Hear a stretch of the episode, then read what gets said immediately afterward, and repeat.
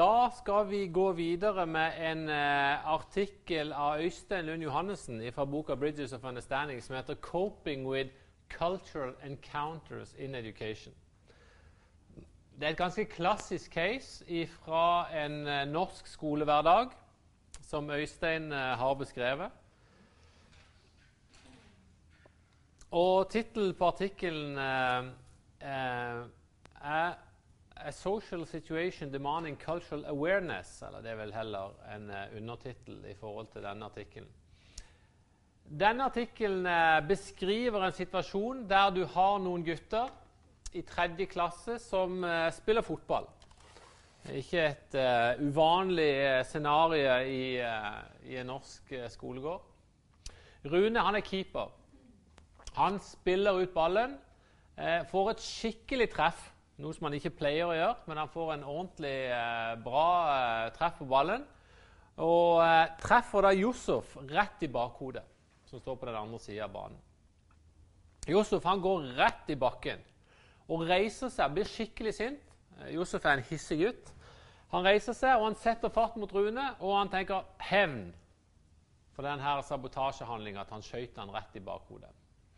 Eh, de andre gutte, norske guttene da, de går nå plutselig i forsvar for Rune. Det er noe de ikke de vanligvis gjør. Rune er liksom ikke den beste fotballspilleren, er ikke den mest populære gutten i klassen. Men nå, når han så å si blir eh, angrepet av en ekstern fiende, så er de andre norske guttene raskt på farten for å forsvare Rune. Um, og de roper til vakten som er i skolegården, 'Nei, Josef, han slår.' Og de spør liksom, 'Ja, Josef, hvorfor blir du alltid så sint?' Det er ikke noe å hisse seg opp over greier. Eh, og Fredrik, som da er klassens tøffing, han begynner rett og slett å slåss med Josef. Eh, og han roper til 'Din svarte gorilla, tror du at du kan gjøre hva du vil her i Lillevik?' Og så er den vanlige slåsskampen mellom eh, guttene i tredje klasse i gang. Josef, han, de slår så hardt at Josef han går rett og slett i bakken. Og han slår av da en del av ei tann. Um, og Da må han jo selvfølgelig evakueres av gårde til skoletannlegen og få fiksa dette her. Og når han er da tilbake, så tar læreren, Anne Olsen, eh, tar da opp denne her saken i klassen for å diskutere hva som har skjedd. Eh, hun spør Josef hva det som skjedde. Jo, sier Rune traff meg med vilje med fotballen, og så kalte de meg for en gorilla. Uh, de andre sier nei, det er jo bare sånn som skjer i fotball. Sant? At en ball treffer deg i hodet, det er jo ikke noe spesielt. Og de sa at det eneste vi ville gjøre, det var å forsvare Rune, som da ble angrepet av en, en rasende Josef. Rune han sier at han ikke traff med vilje, og han sier, reiser seg opp foran hele klassen, sier han unnskyld til Josef og sier at det var jo på ingen måte meninga, det som skjedde der. Anne hun sier til Josef at ja, sånne ting det skjer, men, men uansett så skal, så skal, dere ikke begynne å slåss. Og liksom oppfordrer klassen alltid til å tilkalle vakten når det skjer noe. Det er sånn dere skal gjøre. Fredrik kan må også si unnskyld til Josef, fordi at han har på en måte starta denne slåsskampen. Han var jo egentlig ikke inne i dette her, men det var han som liksom tok ansvar og, og, og gikk i kampen med Josef på vegne av de andre. Og han blir jo bedt om å si unnskyld til Josef. Så på ettermiddagen så kommer Josefs far, da, Mr. Hussein, til skolen og krever å få et møte med læreren. Og han vil møte Rune og Fredrik sine foreldre, for han forlanger da å få en kompensasjon for sønnen sin brukne tann. Dette er helt uakseptabelt, mener han. Eh, Anne sier at nei, men reparasjon av tanna er betalt for. Dette her betaler det offentlige. Under 16 år og, eller 18 år så er det gratis skoletannlege i Norge, så det er ikke noe problem. Nei, Mr. Hussain han insisterer likevel på dette møtet. Jeg vil møte foreldrene til disse her guttene som har skada sønnen min. Og de får i stand et uh, møte Eh, inspektøren er vel med på det møtet. Og på det møtet så sier eh, Hussein da, at, uh, Mr. Hussein at eh, gutter er gutter. Men foreldre må oppføre seg ordentlig og betale kompensasjon når noen har blitt skadelidende. Eh, Anne spør om er dette vanlig i Somalia. Er det sånn dere pleier å ordne opp mellom dere? At en må liksom betale? Ja, så bekrefter Hussein. Dette er sånn som vi gjør det. Rune sin mor forsøker da å unnskylde nok en gang, sønnens klønete utspark, eh, men påpeker liksom at dette er jo tross alt en norsk skole. Og her er det norske regler som må gjelde. Men Mr. Usain repeterer likevel at det må en kompensasjon til. Eh, jeg kan ikke akseptere at sønnen blir blitt skada uten at eh, så å si, det blir ordna opp i dette. Og Rådgiverne spør ja, hvor mye hadde du tenkt deg liksom, i en kompensasjon for denne brukne tanna. da? Eh, og Da sier Mr. Hussain at nei, beløpet det er ikke viktig, det er handlinga som gjelder. Eh, men rådgiveren forklarer da at i Norge så løser vi saker ved å si unnskyld, og så forsøker vi å finne minnelige løsninger. Og Da rådgiveren til slutt spør om noen har noe å tilføye, så sier da Mr. Hussain dere nordmenn dere kan aldri forstå hvordan vi tenker og føler i Somalia. Ja, hva skjer i, eh, i sånn en case? Det er spørsmålet. Ehm, det som eh, Øystein Lund Johannessen gjør Han sier det er mange måter å analysere akkurat denne situasjonen på. Han sier at Sosialkonstruktivisme kan være basis for denne analysen. Og Da stiller han spørsmålet er verden sosialt konstruert. Og På en viss grad så tenker vi jo det. Eh, faren til Hussein har jo sitt bilde av virkeligheten. En norsk inspektør har sitt bilde, læreren har sitt, foreldrene har sitt bilde av hvordan ting fungerer. Eh, hva er forholdet mellom å gjøre noe galt og rette opp den skaden? Det finnes ingen universelle mål. Og den eh, artikkelen vi har av Clifford Gertz på pensum, som snakker om denne eh, Cohen og disse sauebøndene oppe i, eh, oppe i fjellene, viser at det finnes ingen opplagt måte å løse konflikter på. Det finnes mange kulturelt forskjellige måter. Cohen han dro opp i fjellene og så stjal han alle sauene til berberstammen. Og Så tok de han igjen, og istedenfor å skyte han ned og drepe han, så satte de seg ned for å diskutere. Så fikk han lov til å plukke ut 500, de 500 beste sauene som en så å si en kompensasjon da, fordi at to av hans kamerater var blitt skutt i butikken hans. Når kom, Cohen kom ned fra fjellet med disse sauene, så nekta jo franskmennene å tro det. De trodde jo at han jo nødt til å stjåle dem. Hvorfor det? Jo, for de hadde ikke det kulturelle konseptet kompensasjon til stede som eksisterte blant berberstammene i om det var Algerie eller hvor det var i Nord-Afrika dette skjedde. Og Det er litt det samme i denne settinga her. Øystein Lund Johannessen sier at hvis verden er sosialt konstruert, så finnes det forskjellige måter som vi forventer å løse en konflikt på. Og De norske så er det sånn at vi sier unnskyld, og så er det over. I en somalsk tradisjon så skal vi møtes, vi skal sette oss ned, vi skal diskutere fram til en konsensus. Og så skal vi på en eller annen måte få en symbolsk kompensasjon. Om det er geit, om det er colanøtter, om det er ei eh, kake eller en pose Twist. Det har på en måte med den kulturelle konteksten å gjøre. Eh, men det er poenget. Poenget er at det fins mange forskjellige potensielle løsninger på denne konflikten.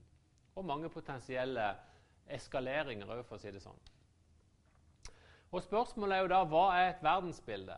På hvilken måte forventer vi at konflikter skal løses? Og på hvilken måte forventer vi at sosialt samvær eh, skal foregå? Det er forskjellig fra eh, verdensbilde til verdensbilde. Eh, Øystein skriver litt om dette med Forstår vi verden på en intersubjektiv måte?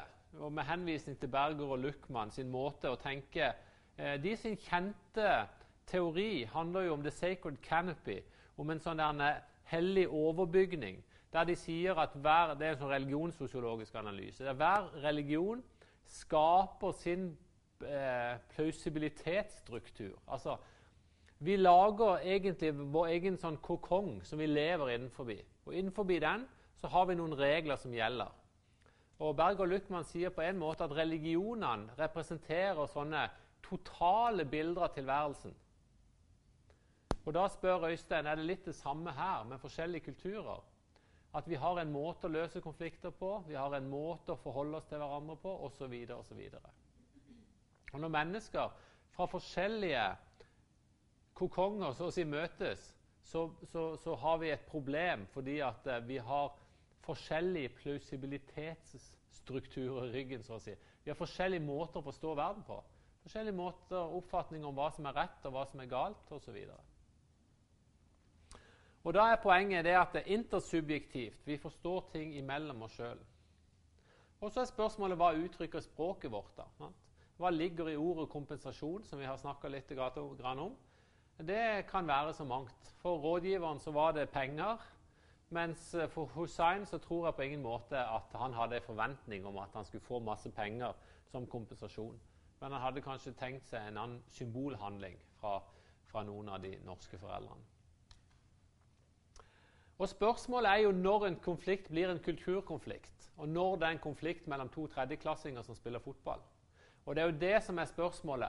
Når dere reiser, òg spørsmålet burde kanskje ikke Anne ha gjort så mye ut av dette. Burde hun kanskje sagt nei til Mr. Hussein når han foreslo møte. For det at eh, ved å innkalle alle, så var sjansen for at dette blir en kulturkonflikt, mye større. Og Det er jo en sånn avveining en lærer må ta hele tida. Og du, du må ta den i brøkdelen av et sekund. Ofte. Når Mr. Hussein spør kan du kalle inn til et møte, så kan du selvfølgelig si ja, du må si noe med i gang. Enten sier du ja, eller så sier du nei, eller så sier du jeg må tenke på det. Men uansett hvilken av de tre du velger, så må du bestemme deg der og da.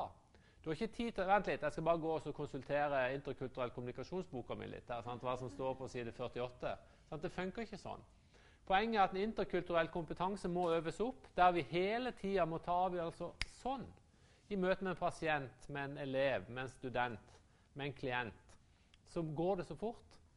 Og da må vi så å si eh, øve opp vår interkulturelle kompetanse. Og så må vi trene oss i å tenke forskjellen på en konflikt og en kulturkonflikt. Og Da har vi en individuell versus en kollektiv tilnærming til dette. Der uh, Hussein vil ha et møte der han vil uh, diskutere dette offentlig, mens, uh, mens læreren tenker at når elevene som er involvert i dette, individuelt sett har sagt unnskyld, så er saken ute av verden. Sant? Da er det ikke noe mer å snakke om. Den som gjorde noe galt, den har gjort opp for seg. Men sånn fungerer det ikke i, uh, i den somaliske tenkninga. Og det er klart, Somalia er jo litt spesielt, for det er et ekstremt klanorientert samfunn. Sant? Der klanene seg imellom ofte har hatt konflikter, og en ordner opp ved å ha store så å si, klanmøter som skal rydde konflikter ut av veien osv. Så, videre. så Somalia er et ekstremt kollektivt samfunn, i motsetning selvfølgelig til det norske. Og spørsmålet Hva slags konflikt er dette? Er det en familiekonflikt? Er det en personkonflikt? Er det en institusjonskonflikt? Og Vi kan for så vidt tolke dette på, på, på, på alle de måtene. Sant? Er det en kamp? Her blir det en, en, en, en konflikt mellom Josef sin familie og Rune sin familie på den ene sida? Eller blir det sånn at faren til Josef blir stående helt alene som personen i konflikten til slutt? Eller er det en institusjon mellom familien og skolen? Eller, altså, det er mange tolkningsmuligheter her. Og det vi må øve oss opp i, det er jo å plassere konflikten så å si der den hører hjemme. Og Da er det klart at kunnskap om forskjellige kulturer den vil hjelpe oss til å ta dette. Og samtidig kunnskap om globaliseringsprosesser kan hjelpe oss til kjapt å ta de avveiningene. Flerkultur på den ene sida, globalisering på den andre sida. Skille, likhet. Altså den aksen som går der, hvor beveger vi oss på den? Det, det må vi så å si øve oss opp til å gjøre. Et eksempel er jo f.eks. mottak av disse afrikanske studentene som vi får ganske mange her på institusjonen. Um, noen blir litt sånn sjokkert over at eh, at jeg på en måte ikke er mer fintfølende i forhold til de utfordringene som de afrikanske studentene møter her. Sant? Fordi at en del norske kan, kan tenke at ja, jo, de er jo så spesielle, og de, liksom, de, de, har det jo, de er jo langt vekke hjemme fra alt det der.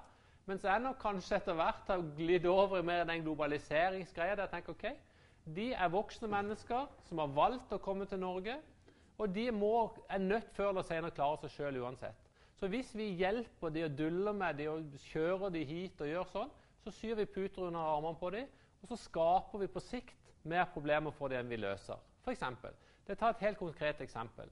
Da vil noen kanskje tenke at eh, jeg ikke er sensitiv, og jeg bryr meg liksom ikke om dem, og jeg er ikke omsorgsfull nok osv.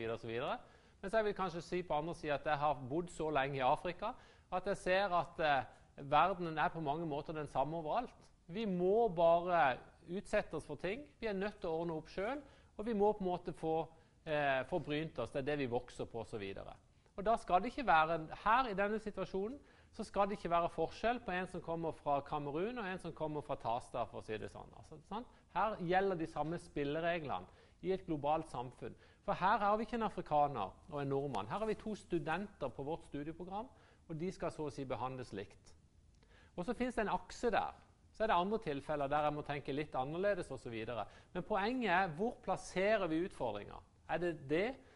Er dette problemet med en utenlandsk student, eller er dette et problem som alle studenter må forholde seg til på en eller annen måte? Sånn at Vår interkulturelle kompetanse handler om å ta avgjørelser der og da. Hvilket, hvilket eh, så å si, eh, Hva skal veie tyngst? Hvilket argument skal få mest vekt i denne situasjonen? Eh, og Der må vi bare føle oss fram. Vi, stadig vekk så gjør vi selvfølgelig feil, men jeg tenker jo flere ganger vi blir utsatt for å ta denne avgjørelsen, jo mer lærer vi av det. Og Sånne case sånn som det her de vi, får vi oppleve stadig vekk, og så lærer vi av det til neste gang. Hvordan vi, vi, vi skal gjøre det eller ikke vi skal gjøre det. Og Fins det en type flerkulturell konfliktløsning? Eh, det tenker jeg at eh, her er det så mange nyanser at eh, fra en akse der en konflikt er en konflikt, til det er supersensitive ting som vi må kunne masse om. Her må vi på en måte ha kunnskap i hver enkelt tilfelle. Men jo mer vi kan, jo lettere for oss blir det å gjennomskue hva som er så å si naturen i konflikten eller utfordringa. Dere kan lese, lese Øystein Lund Johannessen sin artikkel sjøl og se hvordan han eh, drar noen tråder eh, som følge av dette. Den siste artikkelen som vi skal kikke litt på, det er Inger Marie Lindboe sin artikkel fra 2008 som heter 'Profesjoners etiske utfordringer i et flerkulturelt samfunn'.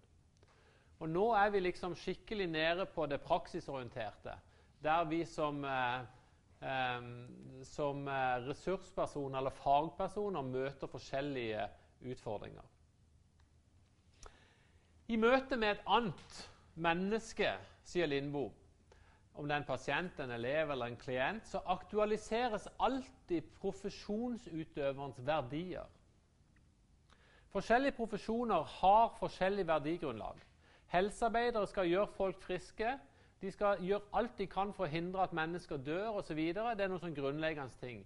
Vi som er lærere, vi har et grunnleggende ønske om at vi skal lære mennesker ting. Om det er unge mennesker eller om det er eldre mennesker, så er det det som er målet vårt. Vi har noen verdier som går på det. Og vi har verdier på at alle skal så å si behandles likt. da. Eller at de i alle fall skal få de samme forutsetningene for å lære. Vi har noen verdier som ligger i bånn på alle yrkene våre. En Nav-ansatt har kanskje som en grunnleggende verdi at alle skal behandles ifølge regelverket. Den eneste måten å ha noe som ligner på, på, eh, på rettferdighet i systemet, er at alle blir behandla likt etter lovens bokstav eller komma. så å si. Og Dermed så, så utfører en yrket sitt i forhold til det. Og Da måles du ikke på om du har vært eh, om du har sluppet gjennom en person som egentlig ikke burde fordi at du var snill. Det vil jo være en negativ ting i forhold til et sånt verdigrunnlag. Men i det øyeblikket du gjør akkurat det du får beskjed om, så har du gjort jobben din på en god måte. Selv om det blir kritisert i avisen etterpå. Det som er spesielt i et flerkulturelt samfunn, det er der hvor svært ulike verdier møtes.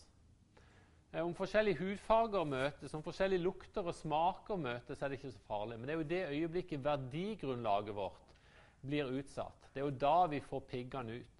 Det er i det øyeblikket vi føler at ikke vi får lov til å være sånn som vi ønsker å være. Hvis ikke vi får lov til å leve ut vår religion. Eh, hvis eh, vi føler at ungene våre blir tvunget til å spise noe som i vår religion er, er forbudt, osv., osv. Da begynner virkelig eh, grunnvollene å, å, å, rystes hos oss. Så er spørsmålet når er et samfunn så å si flerkulturelt ut ifra et etisk ståsted Altså Når er et samfunn så segregert eller så forskjellig at, det, at vi så å si moralsk sett er nødt til å gjøre noe? Og Hvordan anvender vi normer, og hvordan tolker vi våre handlinger? Det er disse problemstillingene som vi møter eh, i det flerkulturelle samfunnet, ifølge Lindboe. Og Poenget hos sitt er at vi har behov for etisk refleksjon. Og det øker når mangfoldet av meninger og fortolkninger øker. Jo mindre forskjell i verdier, jo mer går vi på autopilot, så å si. Sant? Vi trenger ikke tenke om dette er rett og galt, for det vi gjør jo sånn som vi alltid har gjort. Men jo større grad av diversitet du har i et kollegium, jo viktigere å spørre deg hva er det egentlig vi skal gjøre. Hva er det som er de grunnleggende verdiene våre? I forhold til arbeidsomhet, i forhold til å komme på tida, eh, i forhold til å, eh, å gjøre arbeidsoppgavene på den måten vi burde gjøre det, osv. Altså, du kan bare ramse opp en hel mengde sånne ting. Jo større grad dette blir, eh, blir utfordra, jo større grad eh, må vi tenke igjennom hva som er verdiene i vår, eh, i vår bedrift. Og i et, i et, globalisert samfunn så eh, øker jo selvfølgelig dette. Eh, og butikker som har, som har f.eks. utsalg over hele verden, må forholde seg til dette. F.eks. Ikea har jo vært en foregangs, en foregangsinstitusjon, eller en, hva skal vi si, en bedrift på dette området, der alle på mange måter har blitt, har blitt eh, blir behandla likt. Men da, det betyr jo at noen kan miste sine privilegier. Fordi at, eh, fordi at, ingen skal ha privilegier, så må alle miste, miste så å si noen av sine privilegier. Så i et globalisert samfunn så kan det gå eh, mange veier. Verdier og normer er profesjonets fundament. Og de fins i alle profesjonene. Og det er ut ifra disse at det utledes en del normer som videreformidles, og som det sjelden stilles spørsmål ved. De som jobber i en barnehage, de har liksom noen helt sånn opplagte ting om hvordan vi behandler ungene. Eh, det er jo helt, eh, Noen ting er helt selvfølgelige. Førskolen verdi, hva er det? Jo, det er selvfølgelig barnets beste. Det vi legger opp hele vår, eh, hele vår, eh, eh, vår plan etter, vår arbeidsdag, vår arbeidsrytme, det er at barnet skal ha det best mulig. Og Hva er da normen? Jo, Normen er kjærlighet og omtanke. Hvorfor det? Jo, fordi at det, Førskolen ser på seg sjøl som en slags for familiens forlenga arm. Sant? Vi skal tilby ungene det som familien ideelt sett hadde tilbudt hvis ikke begge foreldrene hadde jobba. For å si det sånn, sant? For det ikke er noen familie der som kan ta seg av dem. Så må førskolen tenke kunnskapsmessig og emosjonelt. Så skal vi rett og slett være det som familien hadde vært. Det er rett og slett verdigrunnlaget på mange måter til en, til en, en førskole. Mer enn at uh, Hovedmålet til førskolen er jo ikke at de skal lære å lese så fort som mulig. Selv om noen begynner å etterspørre akkurat det elementet òg, så er det jo på en måte ikke det som er primærgrunnlaget.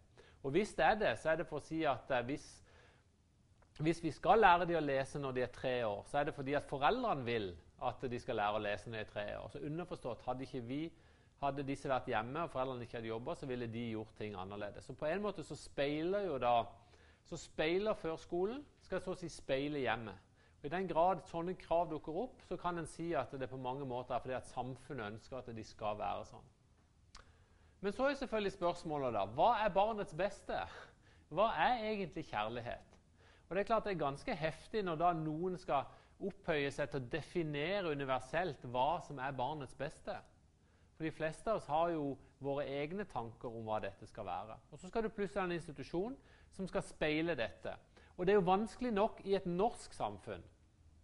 Men hvis vi da tenker hva skjer i det flerkulturelle samfunnet? Um, og Da er det jo veldig lett å ta nok en gang religiøse institusjoner. Der, um, der du har f.eks. en tradisjonell menighetsbarnehage, som det før fantes veldig mange av. ikke så veldig mange igjen av de. For de vil det jo være veldig viktig at det skal være en kristent innhold i den oppdragelsen. Og Før så var det helt naturlig, fordi foreldrene ville òg det. Men hva skjer i et samfunn der du får flere og flere eh, familier som bor i det området som ikke er kristne, som er ateister, som kanskje til og med er imot kristendommen. Og så kommer det i tillegg noen muslimske foreldre inn i dette. Hva er da barnets beste? Hvis det på en eller annen måte skal speile alle disse tre gruppene, da vil jo ikke det være å ha en samlingsstund med et kristent innhold. Da er ikke det barnets beste lenger. For det er kun en tredjedel av foreldregruppa som ønsker at det skal speiles i barnehagen. Så Jo større mangfold det blir, jo mer komplisert blir det å tenke hva er barnets beste? Så en ting så kan vi si at det på verdigrunnlaget kan være det samme, men de normene som utledes av verdigrunnlaget, de vil veldig fort differensieres i et samfunn der vi er forskjellige. Eh, og Det kan veldig ofte være avstand mellom klientens behov og så å si profesjonsutøveren med hensyn til verdier. Um, og Der er jo selvfølgelig Nav i en veldig vanskelig og, og, utsatt posisjon. Der de forvalter et sett med verdier som er veldig juridisk fundert, eh, mens det kommer mennesker til de gjerne litt fortvilte situasjoner som sier at nei, nå, jeg må bare ha et eller annet nå. sant? Og så er bare reglene sånn at de, de kan ikke følges i det hele tatt. Eh, fordi at de kan ikke gi rom for enkeltmenneskers situasjoner.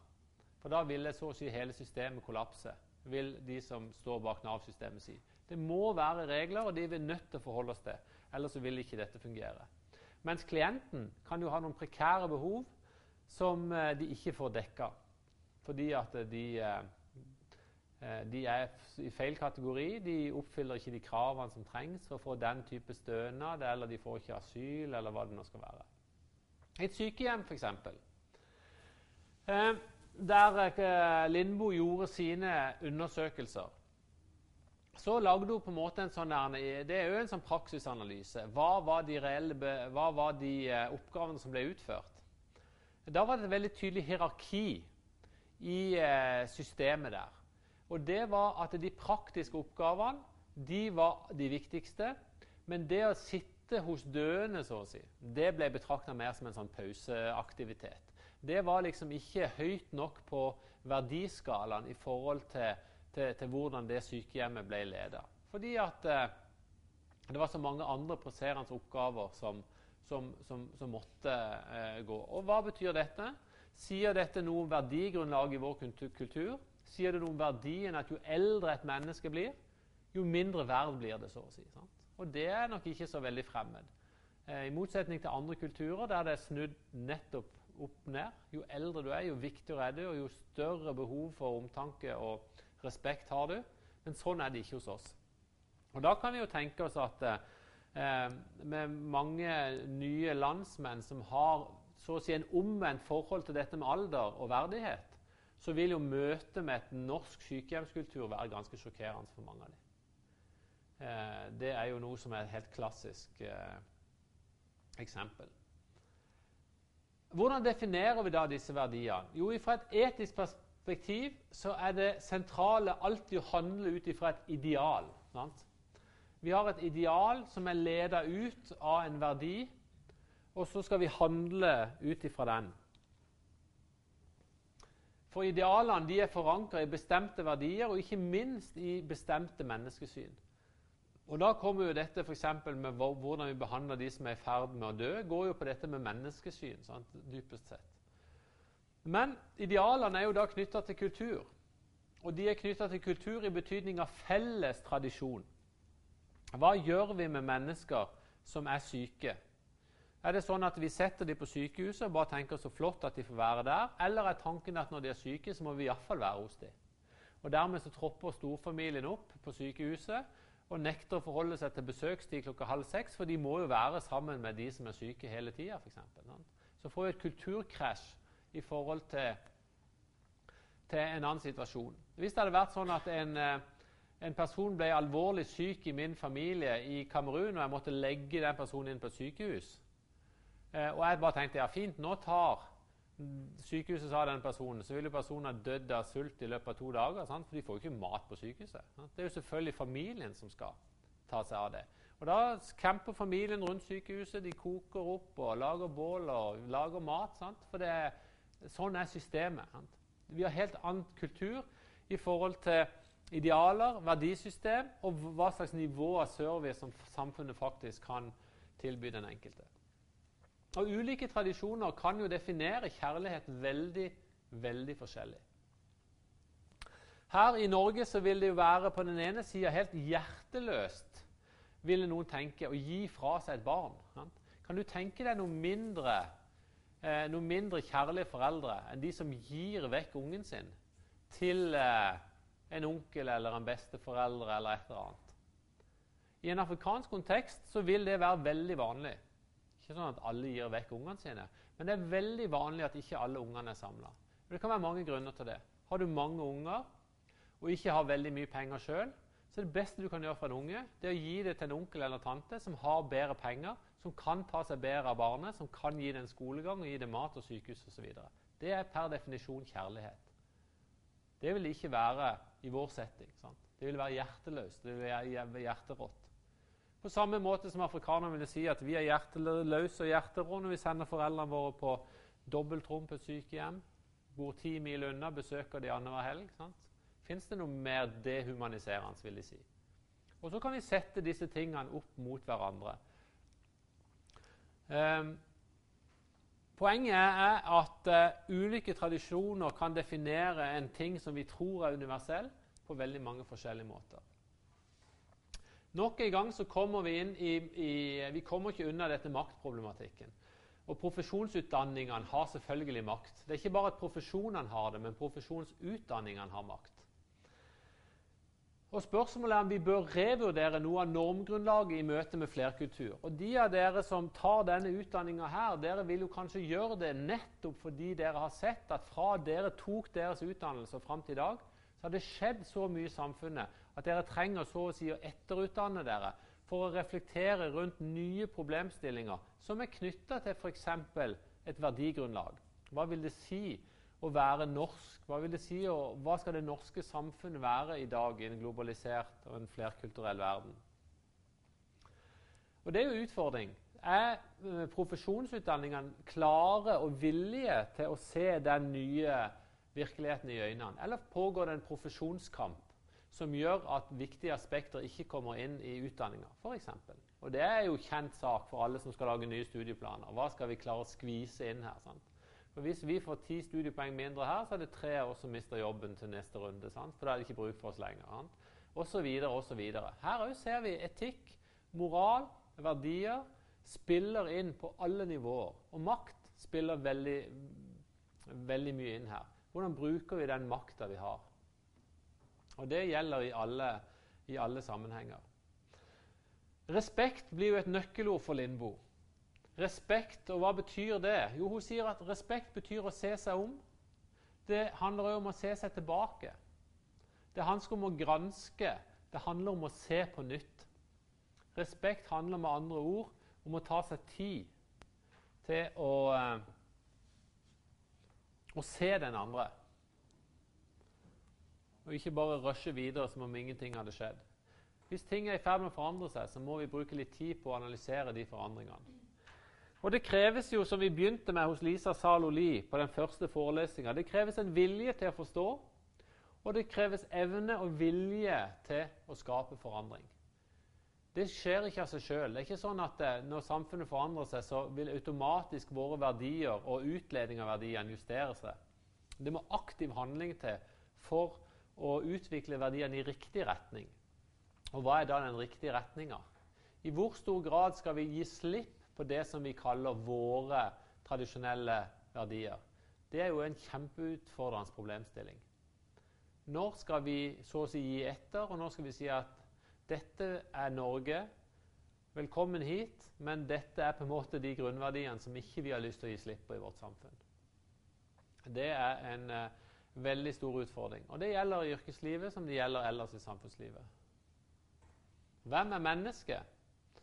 Menneskesynet er jo grunnmuren i alt arbeid med etikk. Sant? Hvordan ser vi på den andre? Hvordan ser vi på det andre mennesket? Har vi en religiøs begrunnelse for dette? Har vi en humanistisk begrunnelse for dette? Hva slags, hva slags eh, tanker legger vi så å si i potten idet vi begynner å arbeide med grunnlagsetikken? Og Hvem er det vi ser når vi ser et menneske, og hva bør vi se?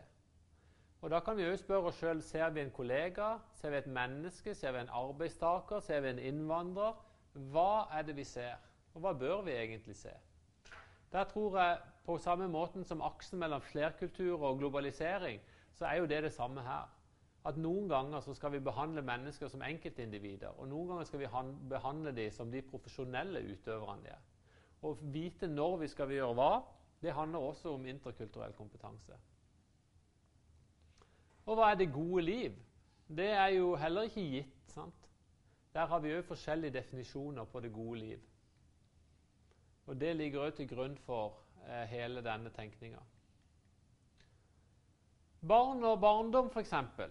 Hun skriver litt om det. Det er jo kulturelle og historiske konstruksjoner. Hva vil det si å være barn før? Jo, det å være barn for uh, lenge nok siden, det var jo at du var bare en liten voksen. Sant? Du hang bare rundt helt til du var stor nok til å kunne utføre plikter. Og så gradvis så ble du sosialisert inn til det å være en voksen. Barndom i seg sjøl var jo ikke noe. Det fantes jo ikke en institusjon på landsbygda i Norge på slutten av 1700-tallet som tok seg av barn. Det var jo helt utenkelig. Barn de var hjemme, de. Og de var med på det som skjedde.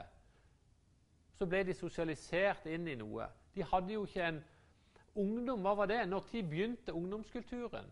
Det som er den sterkeste kanskje drivkraften i de kommersielle kreftene i dag, ungdomskulturen, den begynte på 1950-tallet. Før det så fantes det jo ikke en ungdomskultur. Det er ganske spesielt å tenke på at ungdomskulturen er såpass ny i et historisk perspektiv, og så er den så enormt sterk i dag og har sånn enorm definisjonsmakt. Fordi at handler, det henger sammen med hele det konsumsamfunnet vi lever i. Men det er tross alt en, en konstruksjon. For andre historiske epoker de visste jo ikke hva ungdom var for noe som kategori. Det var bare du var barn. Det betydde at ikke du er produktiv. Og så blir du produktiv når du så å si blir voksen. To kategorier. Eldre på sykehjem har vi allerede snakka litt om.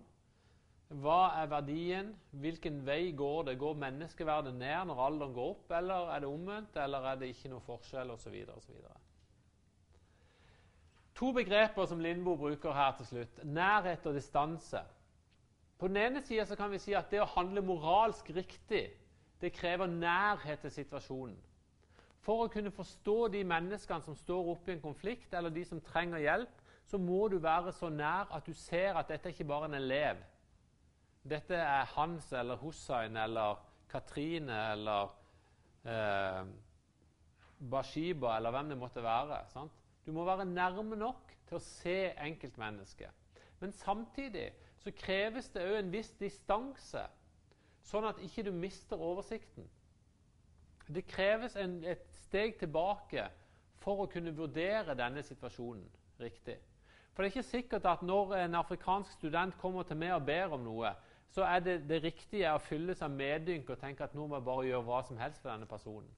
Kanskje er det riktig noen ganger å ta et steg tilbake og si at gitt denne situasjonen, og gitt at denne studenten er nødt til å lære å forholde seg til de utfordringene det vil være å bo i dette samfunnet, så kan det godt hende at du er nødt til å ta en annen avgjørelse enn du ville gjort hvis du bare tenkte som et individ som skulle liksom være snill.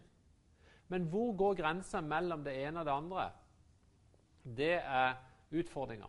Å både se bak maska på den ene sida og samtidig ha den nødvendige distansen for å gjøre en, en, en god vurdering der flere kulturelle si, parametere er med i bildet. Så nærhet og distanse blir to sånne viktige begreper for å tenke riktig etisk. Hva tenker vi om papirløse flyktninger, mindreårige asylsøkere osv.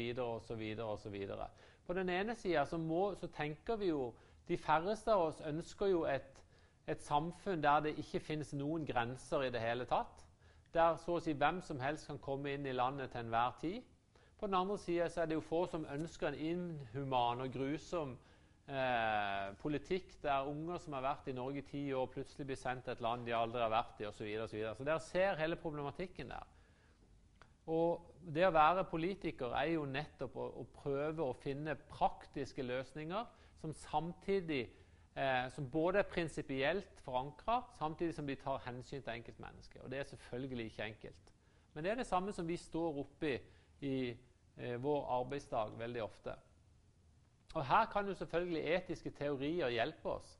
Fordi Hvis vi grunner på disse etiske spørsmålene, så vil vi øve oss opp i å tenke på i forskjellige situasjoner så er det forskjellige ting som burde så å si slå inn. Og Levinas er jo kjent for sin ansiktets etikk, eh, som på en måte går på at du skal kunne ta en avgjørelse ansikt til ansikt med et annet menneske. Du skal på en måte være så nær at du kan se det andre mennesket. Eh, da, eh, Levinas har jo hele tida argumentert for nærheten, fordi han mener at i altfor mange etiske teorier så er det distanse, det teoretiske, som, som, eh, som, som så å si har dominert. Og vi kan jo på en måte si at Gadamer vil jo være en eksponent så å si, for dette med å komme nærme den andre personen. Det å dele horisonten og liksom komme inn i konteksten osv. Men det eksisterer et spenningsfelt mellom eh, ulike verdier. Og det vi må spørre oss om, er jo hva som skaper disse etiske utfordringene. Og det er klart at På den ene sida så er det mangel på kunnskap som kan være et problem her. Sant?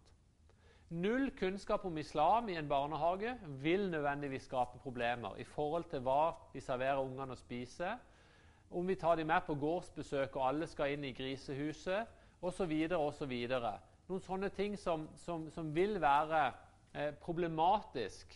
Og det kan veldig lett unngås med en viss kunnskap. Veldig lett å skaffe mat eh, eh til fellesmåltider som ikke inneholder svinekjøtt, f.eks. Og Det går an å gå på gårdsbesøk uten at alle er nødt til å være med inn og se på grisene osv. Og, og som regel går det an å løse problemene i forhold til dusjing i gymmen og svømming osv. med muslimske jenter på en eller annen måte. Men hvis en ikke vet om det, så ligger alt til rette for konflikt. Samtidig manglende fleksibilitet. Det å vise vilje til praktiske løsninger det er en måte å vise hvilket verdigrunnlag du har. Sant? Det å være helt rigid det kan også si noe om verdigrunnlaget ditt. Fleksibilitet er som regel et veldig positivt ord i eh, sånne sammenhenger som vi, eh, som vi, har her. Av og til skal det bare litt til for å unngå en kulturkonflikt. Og Det er jo ikke noe mål å alltid være så prinsipielle som mulig. Noen ganger så er det en reell uenighet. Hvem vet best? Når det gjelder seksualitet, når det gjelder kropp, når det gjelder kjønn, så er det jo veldig forskjellige verdier ute og går. Um, og, og, det får jo uh, gjerne ungdomsskolelærere føle veldig sterkt på kroppen. Da, um, jeg husker jo selv med skrekk og gru og sikkert fortalte mine første timer som samfunnsfaglærer i denne her flerkulturelle klassen min, der vi skulle begynne å snakke om forelskelse og seksualitet med disse herrene, eh, innvandrerguttene og jentene. Det, var, det var jo helt uhørt for dem. De satt jo og fniste og lo, og du fikk jo ikke en eneste person til å si noe som helst fornuftig gjennom hele det kapittelet i samfunnsfagboka. Og jeg sto jo der som en nepe og skulle prøve å guide dem gjennom dette. Jeg hadde ingen erfaring med dette fra før i det hele tatt, og visste jo ingenting. Å stå og snakke der om forelskelse til folk som kommer fra kulturer der det er helt uhørt at de har kontakt med hverandre i puberteten f.eks. Og si at det normale er at vi begynner å utforske hverandre både fysisk og emosjonelt. sant? Ok, Da er du liksom på kollisjonskurs med den verden som du, som du har der ute. Så det, en del ting er både mangel på kunnskap, og så er det faktisk en reell samfunnsmessig uenighet om hva som er normalt. Sant? Hva er det som er greit, hva er det som er normalt, osv. Og der vil jo ting som har med seksualitet, kropp og kjønn, det vil veldig ofte være sånne potensielle minefelt på dette området her. Så det må vi forholde oss til på en eller annen måte. Behovet for fokus på holdninger de øker i dagens profesjonsutdanning. Vi må øve oss opp til å bli så å si moralske eh, eh, yrkesutøvere. Og Der tenker jeg at Gradam sitt fokus på praksis og ikke på tekne er det som, som, eh, som veldig ofte vil være eh, avgjørende. Vi må ha en bevissthet rundt, eh, rundt oss sjøl som eh, eh, så å si eh, profesjonelle mennesker som trenger å kunne noe om dette. Og Dette er en kontinuerlig prosess. Dette er ikke noe som du lærer en gang for alle, men som vi alle har opplevd. Tidene forandrer seg, arbeidslivet forandrer seg, og verdigrunnlaget, ikke minst, hva som er gjengs i samfunnet, forandrer seg. Og Jo mer utrygg, jo mer generaliserer du. Sant? Poenget er det at eh, vi, hvis, vi vil, eh, hvis, vi ikke kan noe om noe, så sier vi ja, sånn er det jo flinkere vi blir, eller jo mer vi kan, jo vanskeligere blir det å svare eksakt på noe. For jo, for vi vet at på den ene sida kan det være sånn, og så kan det være sånn. Så kan vi gå inn i, detaljer rundt alle ting. Og vi blir mindre og mindre kategoriske jo mer innsikt vi får i et felt.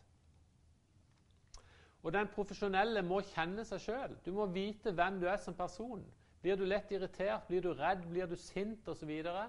Dette er noe som vi må forholde oss til. Her Nok en gang dette her med at kulturen også er kroppsliggjort. Vi er de menneskene vi er, med de reaksjonene de reaksjonsmønstrene som vi har. Ta følelser på alvor. Dette er jo interessant. Dette nevnes av mange forskere. Ilman snakker om dette, Iben Jensen snakker om dette, Lindboe snakker om dette. I profesjonsverdenen så må vi ta våre egne følelser og andre følelser på alvor. Spesielt med tanke på når vi ikke bør føle så sterkt, eller når ikke vi bør la våre følelser komme fram. for å si Det sånn. Det er jo en, en, en øvningssak. Og jeg tror iallfall dere som er lærere, dere har nok øvd dere ganske mye i akkurat det der. Sant? Når skal du på død og liv, Nå er det viktig å ikke eksplodere. Sant? Og når kan du ta den litt ut? Eh, for det er ikke alltid at en eksplosjon er så veldig konstruktiv. For. Mens noen ganger kan den faktisk være det. Og Det er noe dere må lære dere det, og bli kjent med elevene og kjent med dere sjøl, ikke minst. Hva er så veien til fellesskap? Fokus på etiske retningslinjer for den virksomheten dere jobber i. Åpne møter som rommer forskjellighet, er noe som Lindboe nevner. Og det at vi er tydelige. Vi må begrunne hvorfor vi gjør som vi gjør. Hvis vi har bestemt at her hos oss på denne skolen så er det dette som er retningslinjene, så må vi være tydelige på hvorfor det er sånn. Da er det mye lettere å forholde seg til det. Tillit er viktig å bygge opp. Og dette er så å si en never-ending story. Dette er noe vi aldri blir ferdig med, disse her problemstillingene her. Det er ikke sånn at når vi har lært oss det for en gang, når vi har på en måte knekt koden, så har vi gjort det for alltid. Men poenget er at den interkulturelle kompetansen er noe vi gradvis bygger. Sant? Så vi blir faktisk bedre. Selv om vi ikke blir ferdig med det, så blir vi flinkere til å forholde oss til disse tingene.